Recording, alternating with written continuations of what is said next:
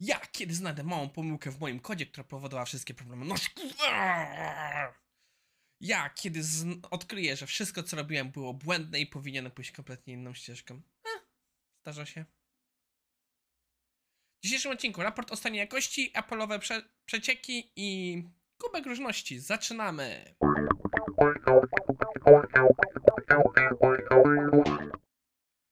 Okej, cześć. Dzisiaj jest poniedziałek, trochę się mnie ostatnio działo, dlatego poświęcimy dzisiejszy kubek różności, by trochę porozmawiać o tym, co się dzieje. Na razie zaczynamy od raportów. Po pierwsze, e, State of Software Quest, e, e, Questing, tak, Software Questing. Idziemy na questy software'owe. State of Software Testing od SmartBeara wyszło. Nie będę pokazywał tutaj tego raportu, głównie dlatego, że po prostu trochę temu już go czytałem i nie chciałem e, znowu go pobierać. Raport jest o tyle ciekawy, że bardzo nisko wyszła na nim automatyzacja. Okazywało się, że tam pierwszy raz od dłuższego czasu mamy spadek w automatyzacji. Że trend robił się malejący, że coraz mniej testerów automatyzuje. Nie jestem w pełni przekonany z wniosków, jakie były wyciągnięte, bo mi się wydaje, że to jest bardziej związek z tym, że coraz więcej za automatyzację odpowiadają deweloperzy i jednak testerzy przyjmują czasami bardziej ko- konsultacyjne role, ale e, nie jestem tutaj jeszcze w pełni świadom tego, jak to będzie wyglądało. Więc polecam przejrzeć raport, dużo ciekawych rzeczy, pokazuje pewne trendy na rynku i wydaje mi się, że z tych raportów testerskich, które ostatnio przeglądaliśmy, jest najciekawsze. Kolejnym naszym tematem jest Tim Cook. Parę miesięcy, no, jakiś czas temu e, wypowiedział się na temat przecieków memu. O co chodzi? Przyznam się, jakoś wyjątkowo nie. Wyjątkowo. Ja z reguły bardziej się zdaję na znajomych, ale mimo, że używam urządzenia Apple'a, to nie śledzę, co się u nich za bardzo dzieje. Śledzę trochę sprawę Apple versus Epic, o czym najprawdopodobniej w najbliższym czasie sobie porozmawiamy, ale nie śledzę specjalnie tego, co się dzieje w samej firmie, co produkują. Okazuje się, że ostatnio wyciekły informacje, co będzie prezentowane, no i w ramach spotkania All Hands Tim Cook, obecny CEO Apple'a, powiedział, że nie ma tolerancji dla takich rzeczy i że będą robić wszystko, żeby po prostu zapobiec takim rzeczom i po prostu osoby, które, y, w, y, które po prostu wypuszczają te wszystkie mema, tak naprawdę nie należą do Apple'a. One nie ma, nie ma dla nich miejsca w community Apple'a. Ja bardzo się, ja bardzo go rozumiem. Dlaczego? Wyobraźcie sobie, że piszecie jakieś oprogramowanie, coś ważnego, zależy się wszystko na timingu, na dobrym relisie i nagle się okazuje, że wszystko, co chcieliście powiedzieć, wyszło wcześniej. Okazuje się, że przez jedną czy taką osobę ogromny koszt marketingowy, bo przyznajmy się szczerze, przygotowanie takiej operacji nie jest tanie, idzie w powietrze. Inna sprawa, że y, to jest, i to duże jest, bo jednak często takie wyjścia powodują, że później, jak już się dzieje w sama akcja, wiele gazet nie jest aż tak chętna, by o tym mówić, lub jest po prostu mniejszy hype, czyli tak naprawdę ostro idzie to w zasięgach. Więc jest to bardzo rozumiałe dla tych firm. Zwłaszcza jeśli wyciekają jakieś sekrety na długo przed czasem, to mogą być bardzo problematyczne. Oczywiście jest druga strona medalu.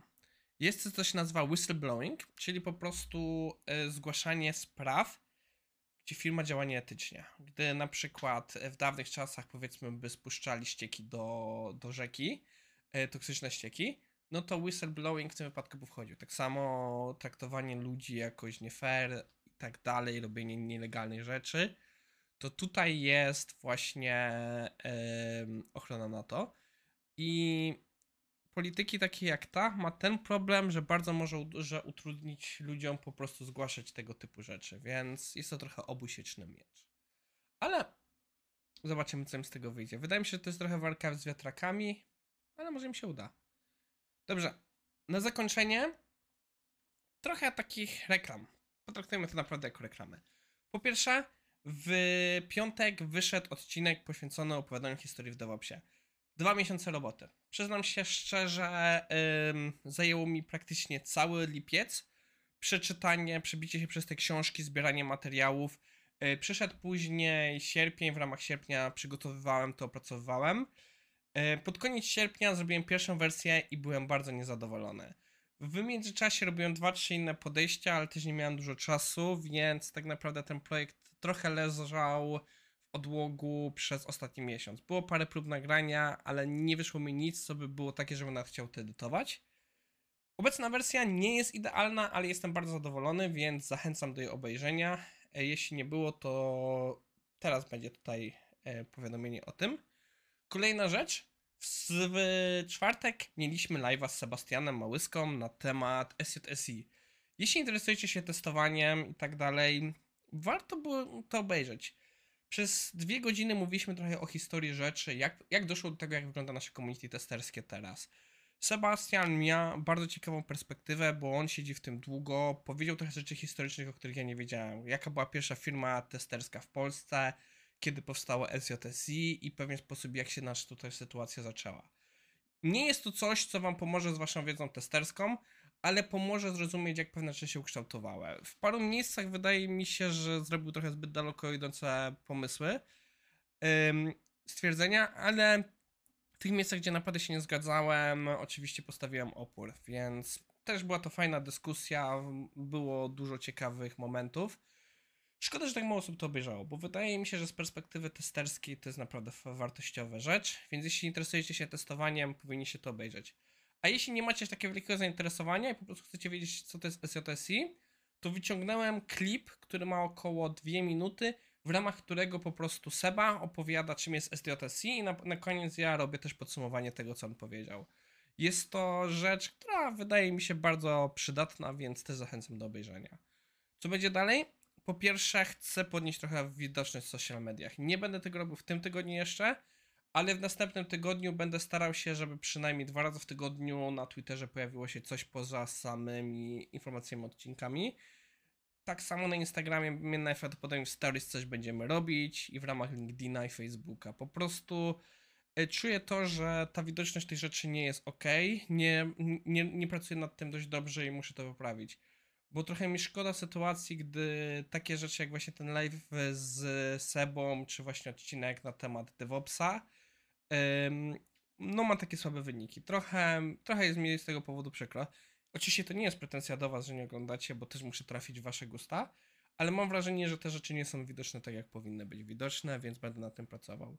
Kolejna rzecz, trochę nawaliłem w wypadku live'a, tu muszę się przyznać. Marcin na to zwrócił uwagę. E, mimo, że informacje szły na Facebooku, na YouTubie, nigdy wprost nie powiedziałem, że odcinek będzie na YouTubie, że będzie to także narywane na YouTubie i w ramach jak e, był na YouTubie prowadzony odcinek, e, to ludzie nie wiedzieli, że też jest Facebook, że te rzeczy są na Facebooku. Trochę muszę się dopracować, jak te live będziemy robić, to się będzie zmieniało, więc tu też zachęcam do dalszej współpracy. E, Następna rzecz, jeszcze nie podam detali, ale już myślę, że w tym wypadku można powiedzieć, w, na początku sierpnia, listopada będzie live z Eweliną Wyspiańską Trojanż na temat coachingu. Wydaje mi się, że to będzie bardzo ciekawa rzecz do obejrzenia, więc zachęcam. Postaram się odpowiedzieć na proste pytanie, czym jest coaching, czy warto się nim zainteresować i dla kogo. Więc trochę to spróbujemy ten coaching odczarować, bo ja nie będę kłamał, ja miałem wielki opór pójść do niej, bo coaching i to, co słyszałem o coachingu, było bardzo negatywne, więc musiałem się przełamać i spróbować i uważam, że dobrze wyszło. Ok, to tyle na dzisiaj. No i do usłyszenia.